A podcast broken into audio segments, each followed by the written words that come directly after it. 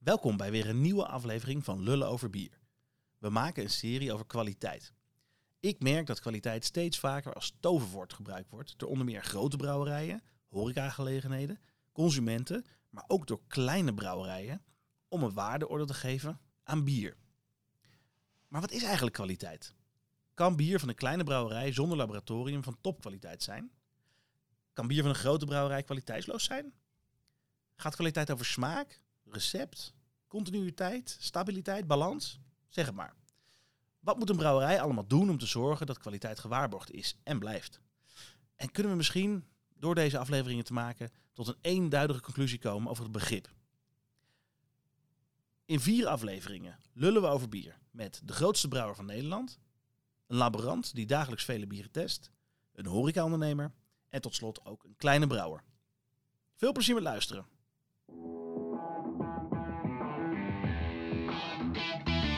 Dit is Lullen over bier, waarbij twee lullen en één gast lullen over bier.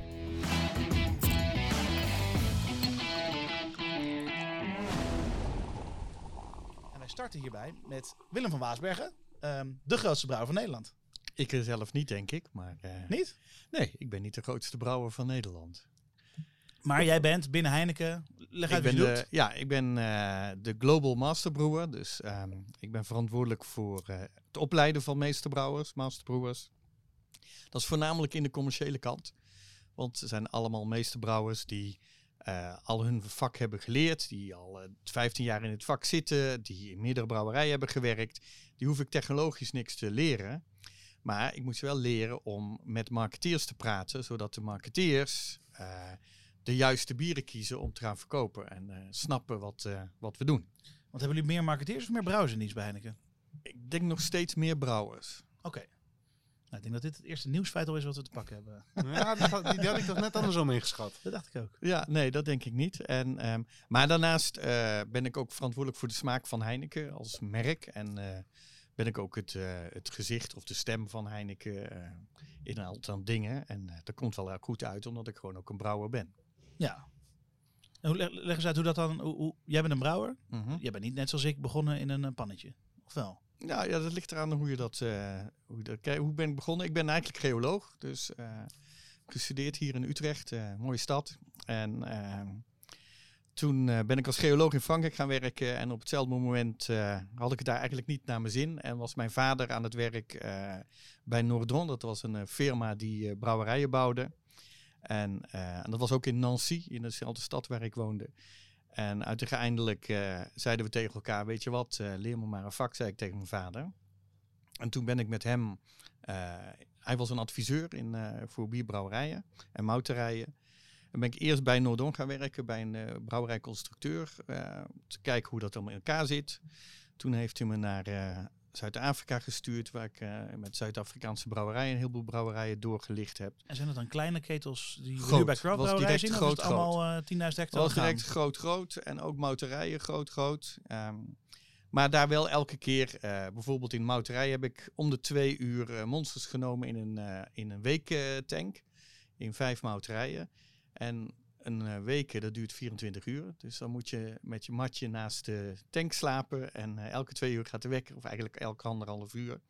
Monster nemen, weer gaan pitten. En zo ging je gewoon eh, Heerlijk. door. Heerlijk. Maar dat was helemaal het begin. En dan uiteindelijk ook nog een keer ooit eens bij Oudaan nog gebrouwen, drie maanden. Eh, de stadsbrouwerij van Utrecht. ja, om eh Lodewijk Swinkels toen even over te nemen, omdat hij voor, volgens mij voor een hernia weg was. En eh, uiteindelijk eh, een project ook met Heineken gedaan. En toen eh, bood Heineken me een eh, baan aan. Dus dacht ik, nou, gaan we doen. En eerst als brouwer en zo langzaam opgewerkt tot eh, eigenlijk de baas van hoeveel brouwerijen nu in de wereld? Nou, ik ben niet de baas van, maar ehm, Wel de baas van de brouwers van al die brouwerijen, toch?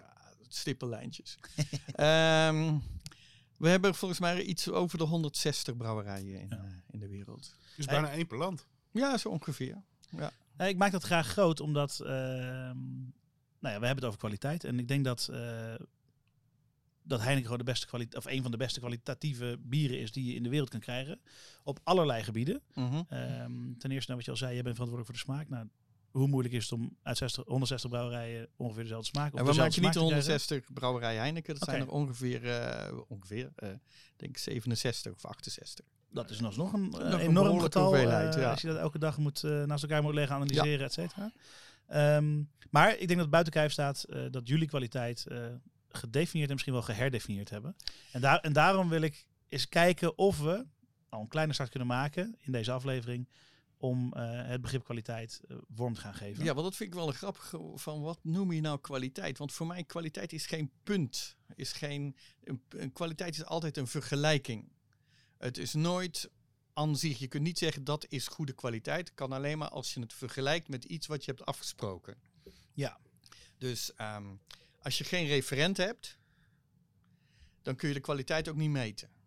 Dus als ik niet weet wat jij had als bedoeling hebt, of voor, dit, voor een bier of, eh, of voor iets anders, en je, je, je meet dan, of je kijkt of je proeft, van is dat wel precies zoals we dachten dat het zou zijn, dat is voor mij kwaliteit meten. Oké. En ehm, als jij met z'n allen afspreekt hier dat je elke batch een andere smaak wil hebben en ehm, dat dat jouw kwaliteit is, Ja. dan is het prima. Dan, dan is dat ook een goede kwaliteit. En wat als we afspreken dat, ehm, dat het niet erg is als er af en toe eh, wat botersmaak aan het ene bier zit? Ja, maar als, als jij denkt, hè, dus jouw afspraak met de consument in feite, met, met, met je klanten, van mijn bier sma- smaakt naar boter, Af en toe. Hè? Als, af en toe. als, de, als, als ik de rest niet onder Ja. controle had, ik noem maar En wat. je hè? schrijft dat bijvoorbeeld op je label, eh, af en toe een botersmaakje. Dan beloof, doe jij wat je beloofd hebt en dan lever je goede kwaliteit. En daar gaat het om. Van, van wat beloof je? Wat, wat beloof je naar, naar, je, naar de drinkers, degene die je bier drinken? En wat beloof je intern aan elkaar? Van wij beloven om dit te maken en daardoor kunnen we dat verkopen en, eh, en beloven we naar de klant waarschijnlijk iets ruimer een variatie. Want je, je hebt natuurlijk je, je vervoer en alle andere dingen. Dus eh, dat is een belofte. Wat beloven jullie dan? Is dan de vraag. Ja, kijk, en dat begint natuurlijk met eh, eh, een belofte van een smaak. Eh, want uiteindelijk dat is wat je een klant geeft. een smaak en een niveau van alcohol. Want dat, dat, dat weten ze dan ook nog. En de wetgever wil ook graag dat je die belofte houdt. Ehm, maar die smaak is wat je belooft. En die helderheid en hoe het eruit ziet. Nou, dat kun je dus zeggen van nou, hoe, hoe test je dat? Maar wij beloven dat het elke keer als je een Heineken proeft, waar dan ook in de wereld, dat het hetzelfde smaakt. Nou, is dat een hele moeilijke belofte naar, naar klanten toe, omdat je, eh, onaf, dat je niet weet hoe mensen in de keten je bier behandelen. Ja. Licht, temperatuur, eh, dat soort dingen. Dus je belofte naar een klant is eigenlijk altijd ruimer dan de belofte die je intern hebt naar wat komt er uit de brouwerij. Ja. Dat is voor mij heel makkelijk.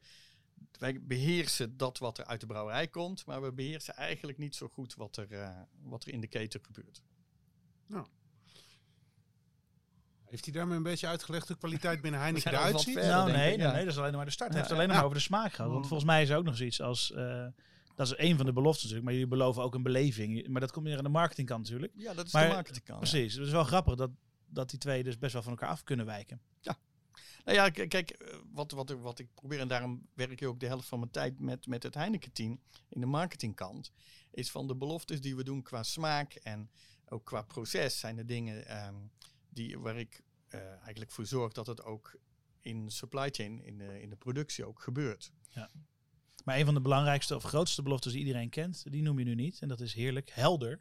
Heineken. Ja, kijk, daar is natuurlijk voor een heel groot gedeelte, in, vooral in het begin, de kwaliteit van Heineken, hè, waar dat dan zo werd genoemd, is helder. Ehm, heerlijk helder, dat is ook een typische Nederlandse eh, mooie uitspraak. Ehm, ja, dat is wel iets waar we heel streng op letten. En die garanderen we dus ook op een bepaalde manier. Oké, dus het, eind, het einddoel is smaak. Ja, het einddoel is smaak en een bepaalde helderheid, een visuele En die smaak, hoe, hoe vast ligt die? Zijn dat jouw papillen? Of is, is dat... Nee, dat, is, dat ligt heel vast. Dus we hebben een referent. ehm, die wordt eh, nou, elke paar maanden gekozen. En eh, we, nou, dat is een bepaalde badge of zo? dat is een bepaalde badge. Ja. Ja. Dus eh, elke, elke brouwerij die Heineken maakt, in, eh, brouwt in de wereld, ehm, die moet elke maand, dan sturen we een e-mail en dan moeten ze binnen zoveel uur moeten ze twee dozen opsturen. En die gaan we proeven, analyseren. En dan, die, die proeven we ten opzichte van een referent. Maar iedereen kan ook een referent worden. Dus ehm, als we al zien bij, de, bij het proeven dat er eh, eentje is die. Hè, want we hebben intern een veel strengere eh, regel dan naar de consument toe. Ja. En Dus je hebt altijd variatie in je bieren, dat kun je bijna niet voorkomen. Eh, maar we, onze strenge eh, eisen die we daar hebben, daar zie je lichte variatie in. En degene waarvan we elke keer zeggen, nou dat is degene die precies is wat we willen, die kan weer de volgende referent worden. En zo blijven we dat doen. Maar als jij je bier eh, bij 0 Maar dat- graden bewaart, dan verandert in smaak niet zoveel. Oké, dus de, mm, eh, die referent die is misschien anderhalf of twee maanden oud, maar die is bij 0 graden bewaard, zodat Ja. die smaak niet zoveel. Ja. En wat voor verpakkingssoort wordt er daarvoor Dat gebruikt? maakt niet uit. Dus er worden flessen, blikken, Ja. opgestuurd. Nou, eh, fust is meestal wat lastiger. Dus eh, er zijn sommige brouwerijen doen we dat, omdat sommige brouwerijen alleen maar fusten doen. Maar bij de meeste is het fles en blik. Oké. En maar er is geen voorkeur voor een of ander Nee. daarin. Oké. Nee, want voor ons is, een, eh, is het bier wat in blik zit en, eh, en in de fles is precies hetzelfde. Ja. Ehm, ja, mensen zijn, eh, dat is waar mensen, sommige mensen zijn gevoelig voor metaal en die proeven dat met hun lip. En daardoor als je uit een blik drinkt, kan het anders smaken. Maar als je het in glas uitschenkt, wat we natuurlijk proeven doen.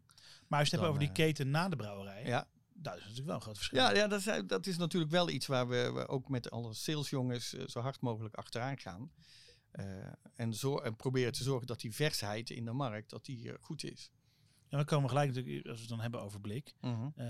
jullie gebruiken groene flessen. Ja. Is dat niet het tegenovergestelde van een eh, lichtdichte verpakking? Ja, dus het, eh, ja, het is wel eh, gedeeltelijk lichtdicht, hè, maar net als ook bruine flessen laten bepaald licht door en kunnen ook luidstruk geven. Geeft een standaard bruine fles minder licht door? Geven ja, van een bepaald spectrum. Dus er heeft minder licht door dan een groene en minder licht dan een doorzichtige fles, een flintfles.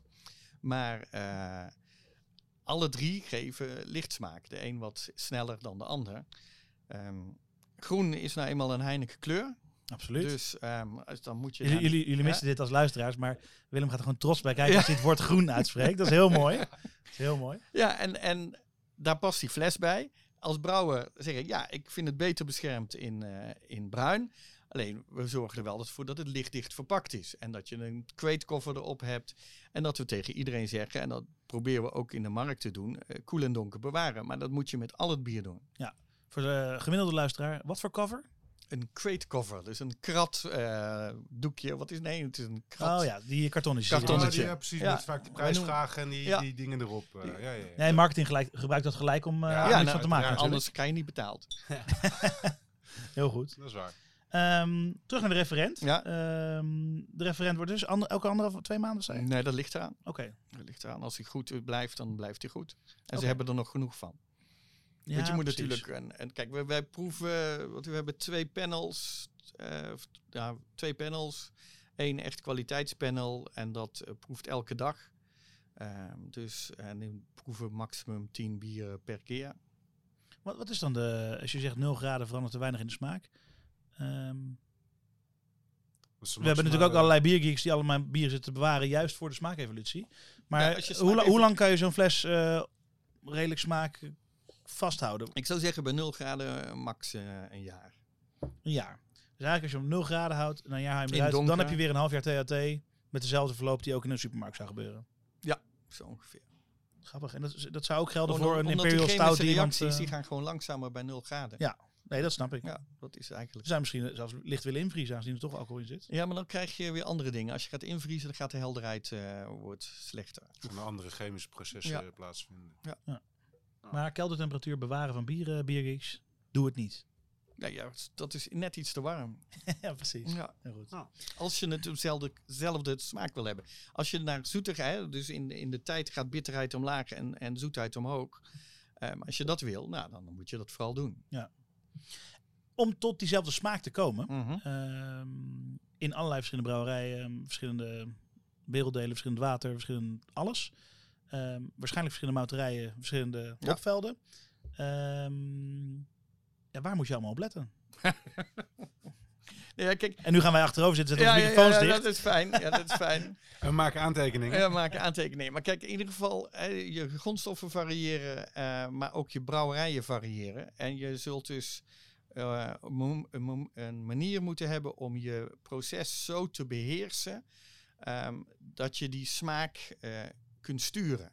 Ehm, en je, kijk, is net als je een pizza eh, maakt in een, eh, in een gasoven of een, of, een, of een houtoven, dan heb je een ander recept. En daarom zeggen we ook niet dat Heineken volgens precies hetzelfde recept is gemaakt. Het is dezelfde smaak, maar je moet, omdat je verander, andere brouwerijen hebben, eh, licht tweaken en in je vergisting misschien de temperatuurtjes net iets aanpassen om, eh, om juist die, diezelfde smaak te krijgen waar we elkaar op eiken.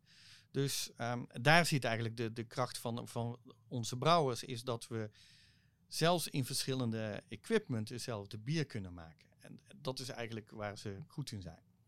En datzelfde bier hadden we net over, die referent die wordt ge- eh, geproefd.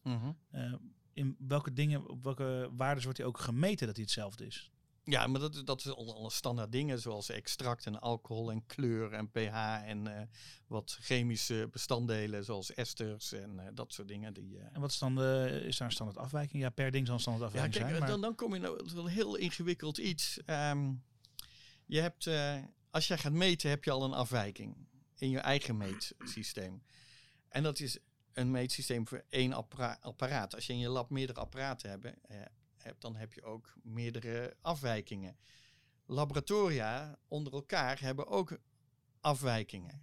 Dus je, ehm, het is een beetje als, ehm, ja, hoe, hoe kun je dat zeggen? In, auto's hebben dat ook. Je hebt, eh, als jij, jouw snelheid door de politie wordt gemeten, dan wordt dat gemeten met een hele kleine afwijking. Ehm, maar die jongens die geven jou pas een, eh, een bon met ongeveer 5 tot 10 procent boven die toegestaande, omdat er een afwijking is in hun eh, apparatuur. Maar jouw auto heeft ook een afwijking, de meting. Alleen alle leveranciers hebben die afwijking, hebben de aanduiding van jouw snelheid omlaag geduwd, zodat ze nooit te horen krijgen dat, ze, Dat hun schuld was. dat het hun Ja. was toen het te hard was. Dus dat af... Maar zou het dan theoretisch kunnen dat eh, de nieuwe referent eh, eigenlijk maar eh 4,2% alcohol heeft? Nee, dat, Zeg maar- kan niet. dat kan niet. Omdat we dat wel allemaal meten. Zo'n zo'n referent die moet goed smaken en die moet goed uitzien. Maar die moet ook in alle, eh, in alle technische variaties, of eh, technische... Nou, nou, als Specificaties alcohol pakken, dat snapt iedereen. Ja. Eh, hoeveel kan dat variëren? Is dat 0,1%, 0,2%? Nou, natuurlijk dat is vrij, in. vrij strak bij ons. Dus eh, ik, je wordt al een beetje zenuwachtig als, het, eh, als, het bij als of 5.05 is. Bij Oké. 0.0 is het al helemaal strak. Ja. Maar eh, bij gewone bieren is het... eh, Is jullie 0.0 echt 0.0? Ja, die is, die is ge- 0,02. Hij wordt ge- eh, getarget, is 0.02. En boven de 0.3 gaan we niet meer naar de markt sturen. Oké. Ja. Ja, dat is het verschil tussen alcoholvrij en alcoholarm bier in Ja. Nederland volgens Ja. mij. eh, ja. Ja. Nou ja, maar je, je blendt expres extra alcohol in terug voor de smaak? Wat zeg je? Dan gaan we trouwens heel technisch opeens op 0,0 praten, nee, maar nee, nee, nee, dat is een van de manieren natuurlijk om het te doen. Nee, nee, nee, Maar daar gaan we ook niet te veel, eh, daar daar gaan we ook niet te veel over hebben. Gaan we nu niet over Ehm, hebben. maar Knippen we er gewoon uit. Nee, dat hoeft niet. Maar je, het hele, hele gedoe over, over kwaliteit, dat is of meten en afwijkingen, dat, daar zit wel dat spelletje in van ehm, hoe ver, er zijn wat afwijkingen, wanneer gaan we reageren, wanneer zeggen we tegen de brouwer, joh, je moet wat doen. Dat is een hele spel wat er wordt gespeeld. Wat vind je van de kwaliteit van Nederlandse eh, brouwerijen? Even eh, de, misschien wel de grote jongens ja, maar kijk, dan kom je weer met dat woord kwaliteit. Ja. Vind je de bieren lekker? Dan zeg ik, ja, er zijn heel veel bieren die lekker zijn. Eh, zijn er bieren die altijd lekker zijn? Ja, er zijn bieren die goed en lekker zijn. En altijd, elke keer als ik ze proef, dan zijn ze weer lekker. Maar er zijn er ook die er wel eens tegenvallen, in, in, die dan de volgende keer een andere smaak hebben. Was dat de bedoeling? Weet ik dan niet. Eh, Nou ja, laten we ervan uitgaan van niet, hoor. Nee. Het, het- het- ik Nee. bedoel, het eerste voorbeeld wat ik in het begin gaf, dat een brouwer zichzelf toelaat om grove brouwfouten de ene keer wel te hebben, de andere keer niet. Dat zou een Ja. vreemde situatie zijn. Als we ervan uitgaan dat iedereen. Ja, maar kijk, als je start hè, en je start met een kleine brouwerij, eh, dan kun je waarschijnlijk nog niet goed meten hoe, wat, ik, wat de specificaties zijn van je bier. Dus jouw, het enige wat je doet is proeven. Wel een paar dingen meten. Maar Nou, ja, ja. proeven, Ja. begint het mee met proeven. Ik denk, nou, dat is lekker. Nou, dan ga je misschien eh, eh, alcohol meten of meer het extract meten. Het alcohol meten is al wat lastiger. Dus eh, zeg je, als jij het extract meet en proeft, heb je al een systeem om te beoordelen.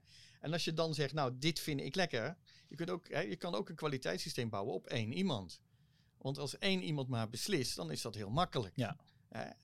Wij hebben eh, in Heineken, als wij moeten proeven, moeten we negen proevers hebben. En dan zijn alle glazen zijn zwart en je mag de kleur niet zien, want je wil die- al die, die, eh, die beïnvloeding niet hebben. Maar als er één iemand proeft, dat kan ook. Dat is jouw kwaliteitssysteem. Klaar. Zodra je met drie gaat proeven, dan krijg je issues. Dan, ga je, dan, Dan krijg je Eh, discussie. dan krijg je discussie, ga je afwijkingen krijgen, dan kun je beter eh, het. Hè, dus dan moet je in zwarte glazen gaan werken, dan moet je met meer gaan werken, Ja. zodat je eh, eh, die, al die ja, beïnvloeding en mensen die ook met elkaar praten, ook zo'n issue.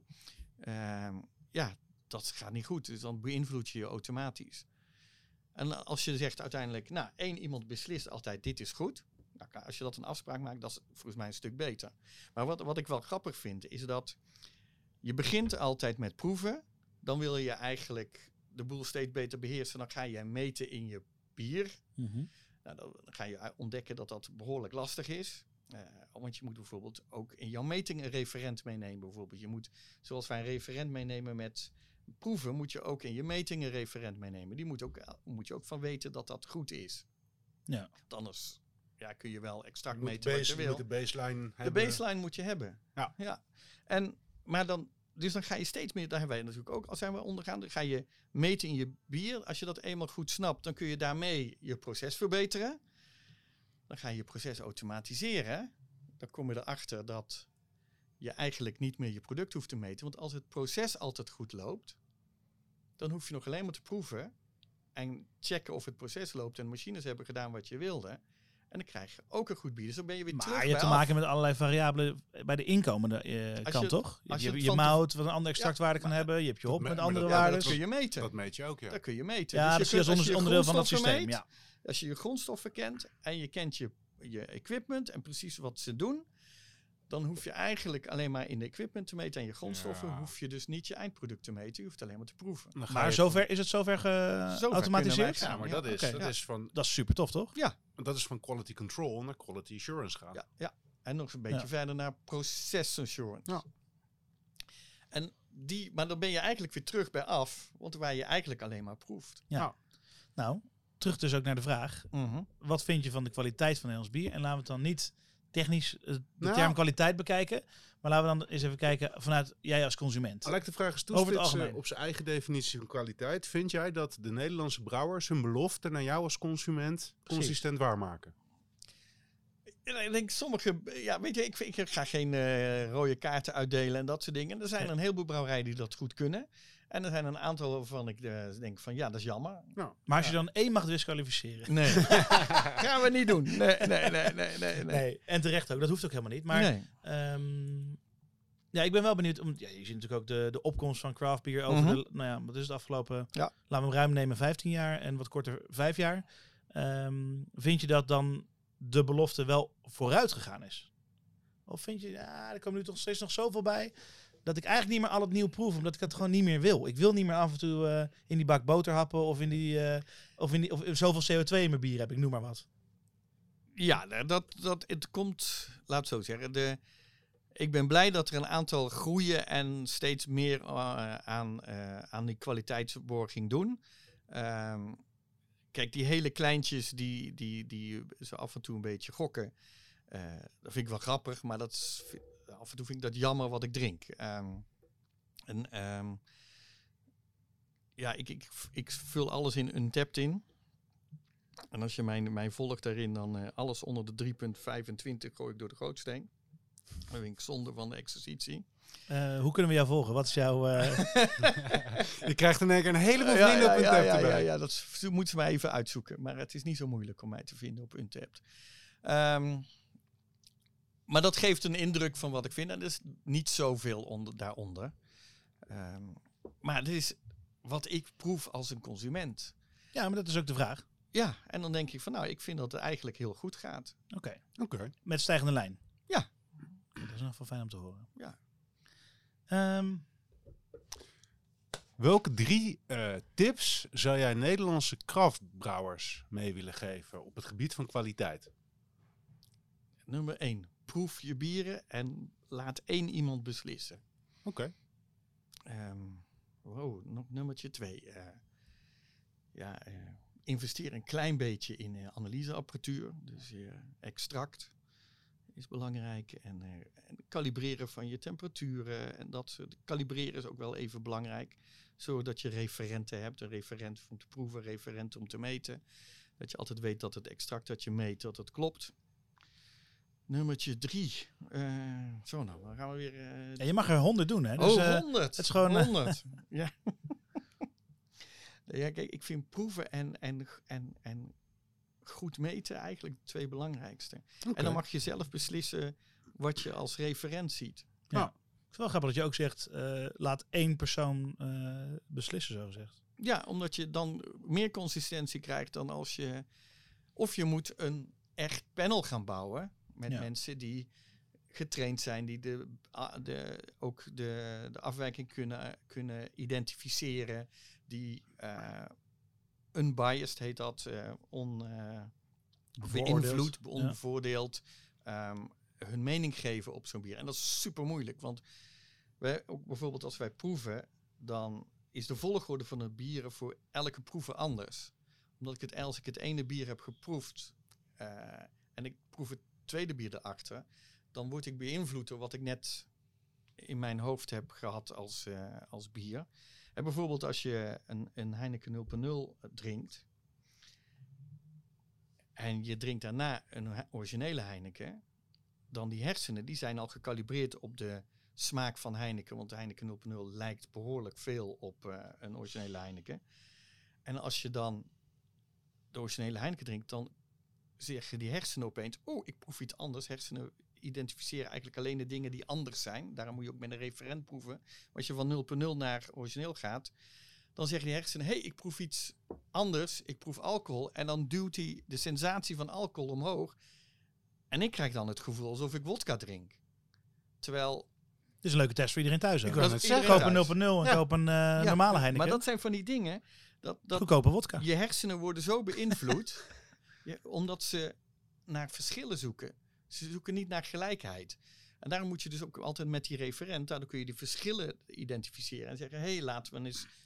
Daar komt dat Maar heel veel metingen zijn natuurlijk ook afhankelijk in, in, in bier. Dat is best wel Mhm. technisch. Maar heel veel metingen zijn afhankelijk van onder andere eh, het stamwoordgehalte en de Ja. suiker, et cetera. Maar ook je, je bitterheidsgraad, de IBU's, die zijn natuurlijk ook zelfs in relatie, zeg maar, hoe ze Ja. overkomen op je tong en hoe ze gemeten worden, zijn ook in relatie tot.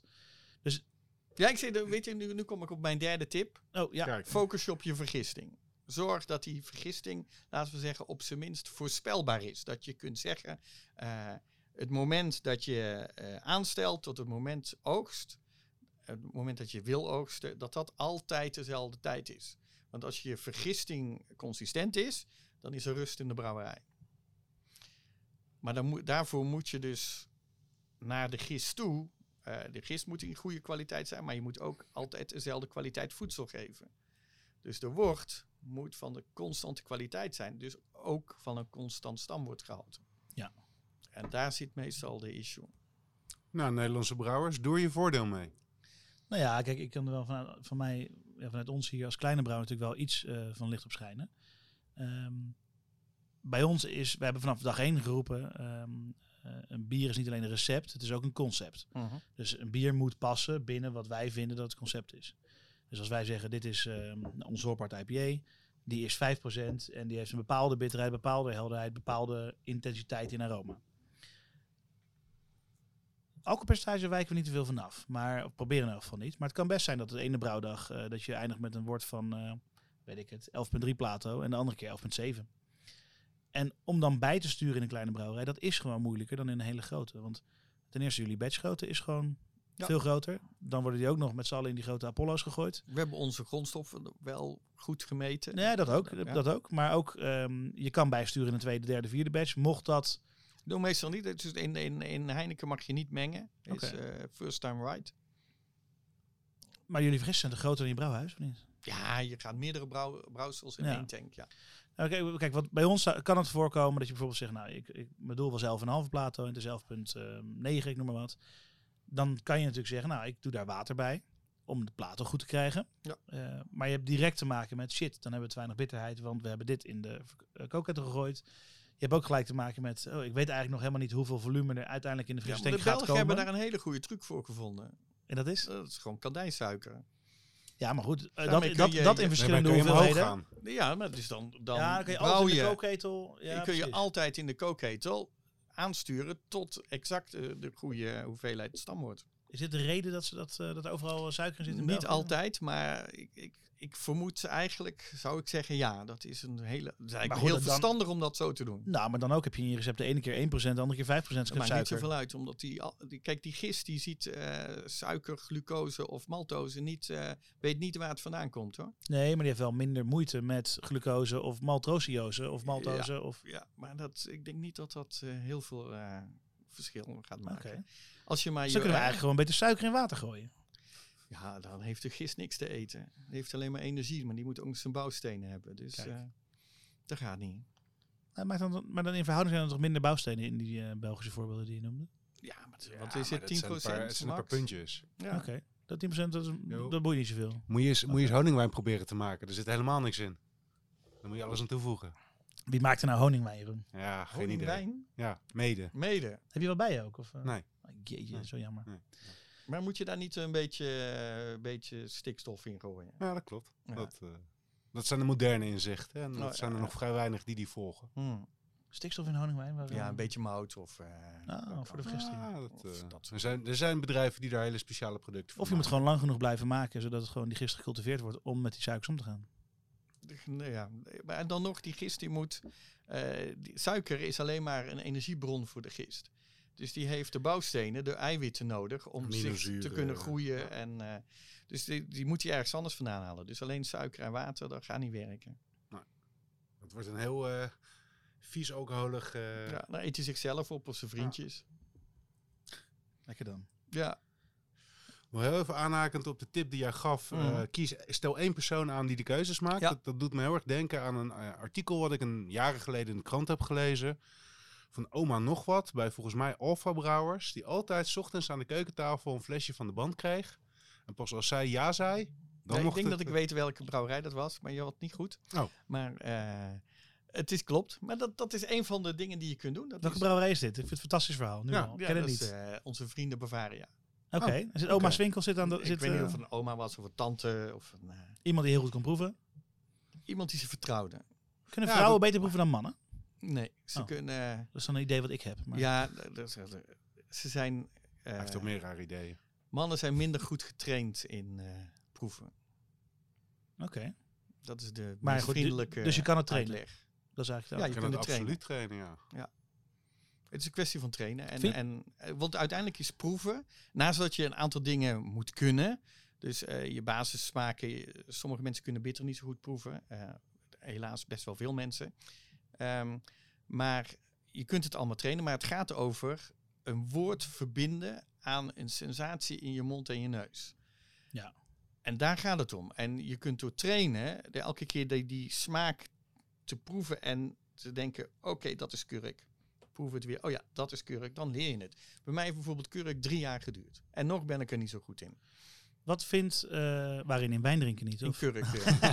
maar kurk kan Wat- ook wat- in bier voorkomen. Hè? Oké. Ja. Wat, wat vind je ervan dat tegenwoordig iedereen als een echte bondscoach eh, op internet eh, maar kan roepen, op een- bijvoorbeeld een Untapped, wat hij vindt over een Heineken? Ja, dat, dat- ja, dat- van de smaak van de Heineken, zonder dat hij die kennis heeft van het proeven. Ja, maar dat is de persoon. Hè? Dus ik kan ook niet in jouw eh, hersentjes duiken en zeggen van... Goh, Willem heeft gelijk of Ronald heeft gelijk.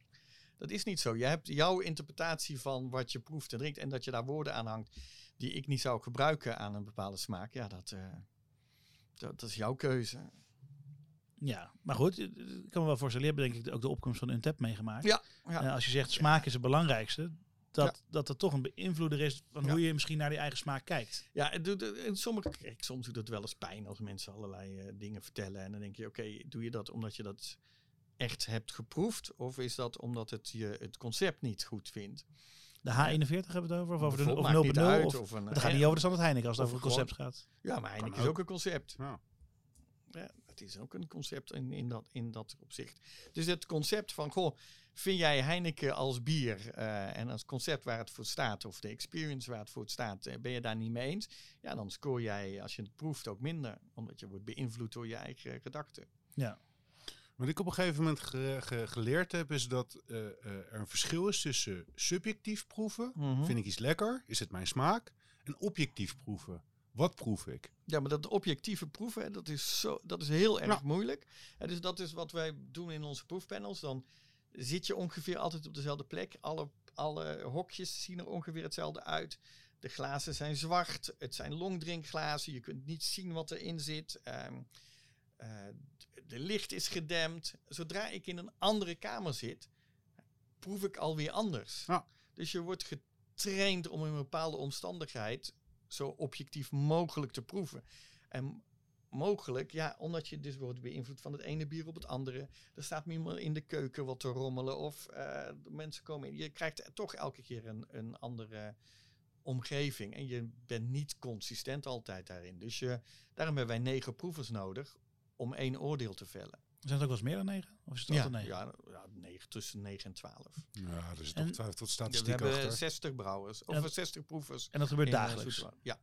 En eh, gebeurt het alleen in Zoeterwoude of ook op de andere locaties? Nou, Zoeterwoude is eigenlijk het referentielab en elke brouwerij heeft zijn eigen panel.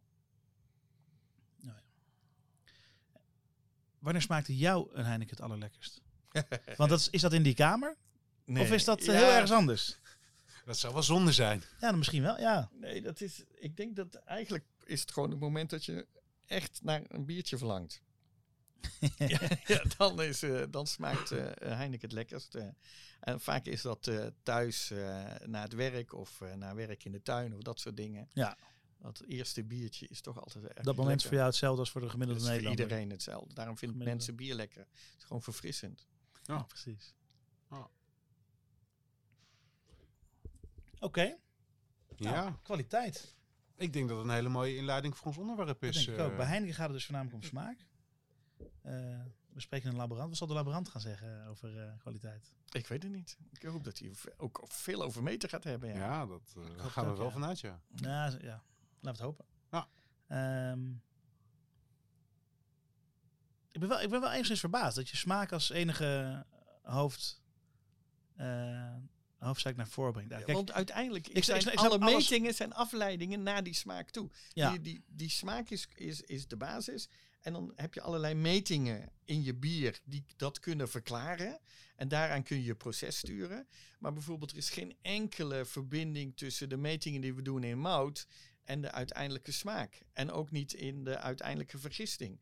En dat komt voor een heel groot gedeelte omdat de metingen in mout in een standaard wort worden gemaakt, terwijl jij een hele andere wort maakt in je brouwerij. ja. Dus die metingen komen niet, gewoon niet, niet eens overheen. Alleen je weet dat met die mouten kunnen we eh, zo een bier maken.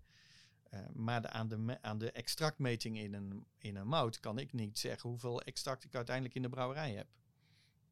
ja wel, in, wel hoeveel in welke brouwerij. Welke brouwerij, maar Ja, niet voor elke brouwerij. Nee, Nee. precies. Dat is, eh, Ik moet Ja. zeggen dat ik net zo verbaasd was als jij eigenlijk. Maar na de uitleg van Willem snap ik het wel. Want de smaak is hetgene wat ze Ja. aan de consument beloven. Het knapste is eigenlijk, dat is zeker als denk ik middelgrote brouwerij, om eh, jezelf niet te gaan verliezen in ik moet alles meten. Hè, er wordt wel eens geroepen eh, door sommige mensen, nou nee, eh, kleine brouwerijen zijn slecht, want ze hebben geen lab, want ze hebben geen ding.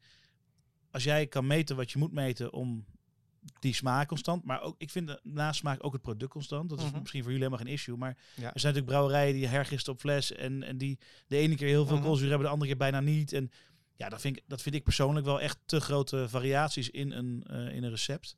Ehm, dat zou ik hier dus ook niet toestaan of willen. Maar ehm, de, ehm, ja, de, ik denk dat het vanaf een middelgrote brouwerijen is er een grote kans of een kans dat, ehm, dat ze zich verliezen in het meten. Ja. En daarbij die smaak uit over is. En ik vind het eigenlijk super tof dat jullie, nou in jouw persoon dan, eh, die smaak eigenlijk de hele dag ehm, voorop zetten. En kijk, en je, je gaat natuurlijk meer meten als je een proces beter wilt beheersen. En dan ga je ook naar, naar specifieke metingen in je halfproducten en in je wort. En, ehm, maar als je dat eenmaal weet wat die relaties zijn voor jouw brouwerij, dan kun je dus, als je dat proces automatiseert, hoef je dat niet meer te doen. Dus dan ga je uiteindelijk in je, in je kwali- echte kwaliteitscontrole, ga je dat verminderen. Ook bijvoorbeeld eh, wat je in grote brouwerijen hebt, als je eh, jouw frequentie dat je iets meet gaat omlaag, hoe, hoe langer het goed gaat. Ja, zodra Ja. je, je, Ja. Dus dan ga je zeggen, nou, we hoeven niet meer elke dag te meten als we één keer in de week meten en het is nog steeds goed. Zie je dan in een trend verschuiven, ja, dan ga je weer, weer, eh, weer wat Ook, meer ja. meten. Ja, maar precies. Dat geldt niet voor alles. Er zijn ook dingen die je altijd moet willen meten, omdat je niet het risico wil hebben dat het... Dat kan, dat kan. Ja, maar ik denk dat ik hem wel snap. Wellicht dat als middelgrote brouwerijen vanuit de smaak gaan meten, als ze een afwijking tegenkomen die ze niet acceptabel vinden, gaan kijken of ze dat kunnen meten. Vandaar dat die referenten die Willem Mhm. zegt zo belangrijk zijn. Dan kan je ook gaan meten in wat je nog in het archief hebt. En dan, dan kan je daar eh, tijdelijk op gaan sturen. Nou, nou, ik, eh, ik begin het puzzeltje wel op zijn plek te zien vallen. Ja, ik word vooral ook benieuwd nu naar, eh, naar de aflevering met onder andere een horecaondernemer. Want die zal denk ik kwaliteit compleet anders zien. Die kijkt het vooral helemaal Veel, van de eh, andere kant, ja. Nou, nou, dat gaat wel een leuk samenspel worden, Ronald. Ben benieuwd. Ik ook. In ieder geval bedankt. En ehm, nou, tot de volgende. Oké, jullie ook bedankt. Zo, dat was hem dan. eh, onze eerste in een serie over kwaliteit. Kwaliteit. Mooi onderwerp is dat. Nou, ik vond het...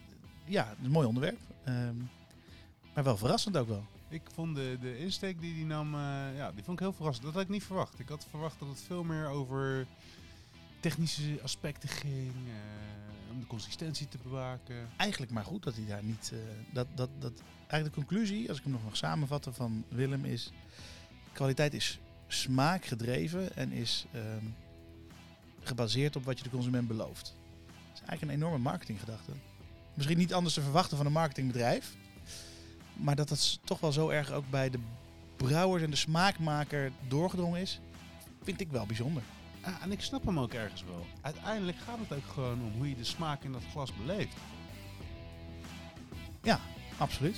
Nee, ik, ik, ik ben in elk geval zeker na deze opname extra benieuwd naar eh, wat deze serie ons gaat brengen. Ik ook. Nou, tot de volgende. Bedankt voor het luisteren naar Lullen over Bier. Volg ons op Instagram en Facebook. Lullen over Bier.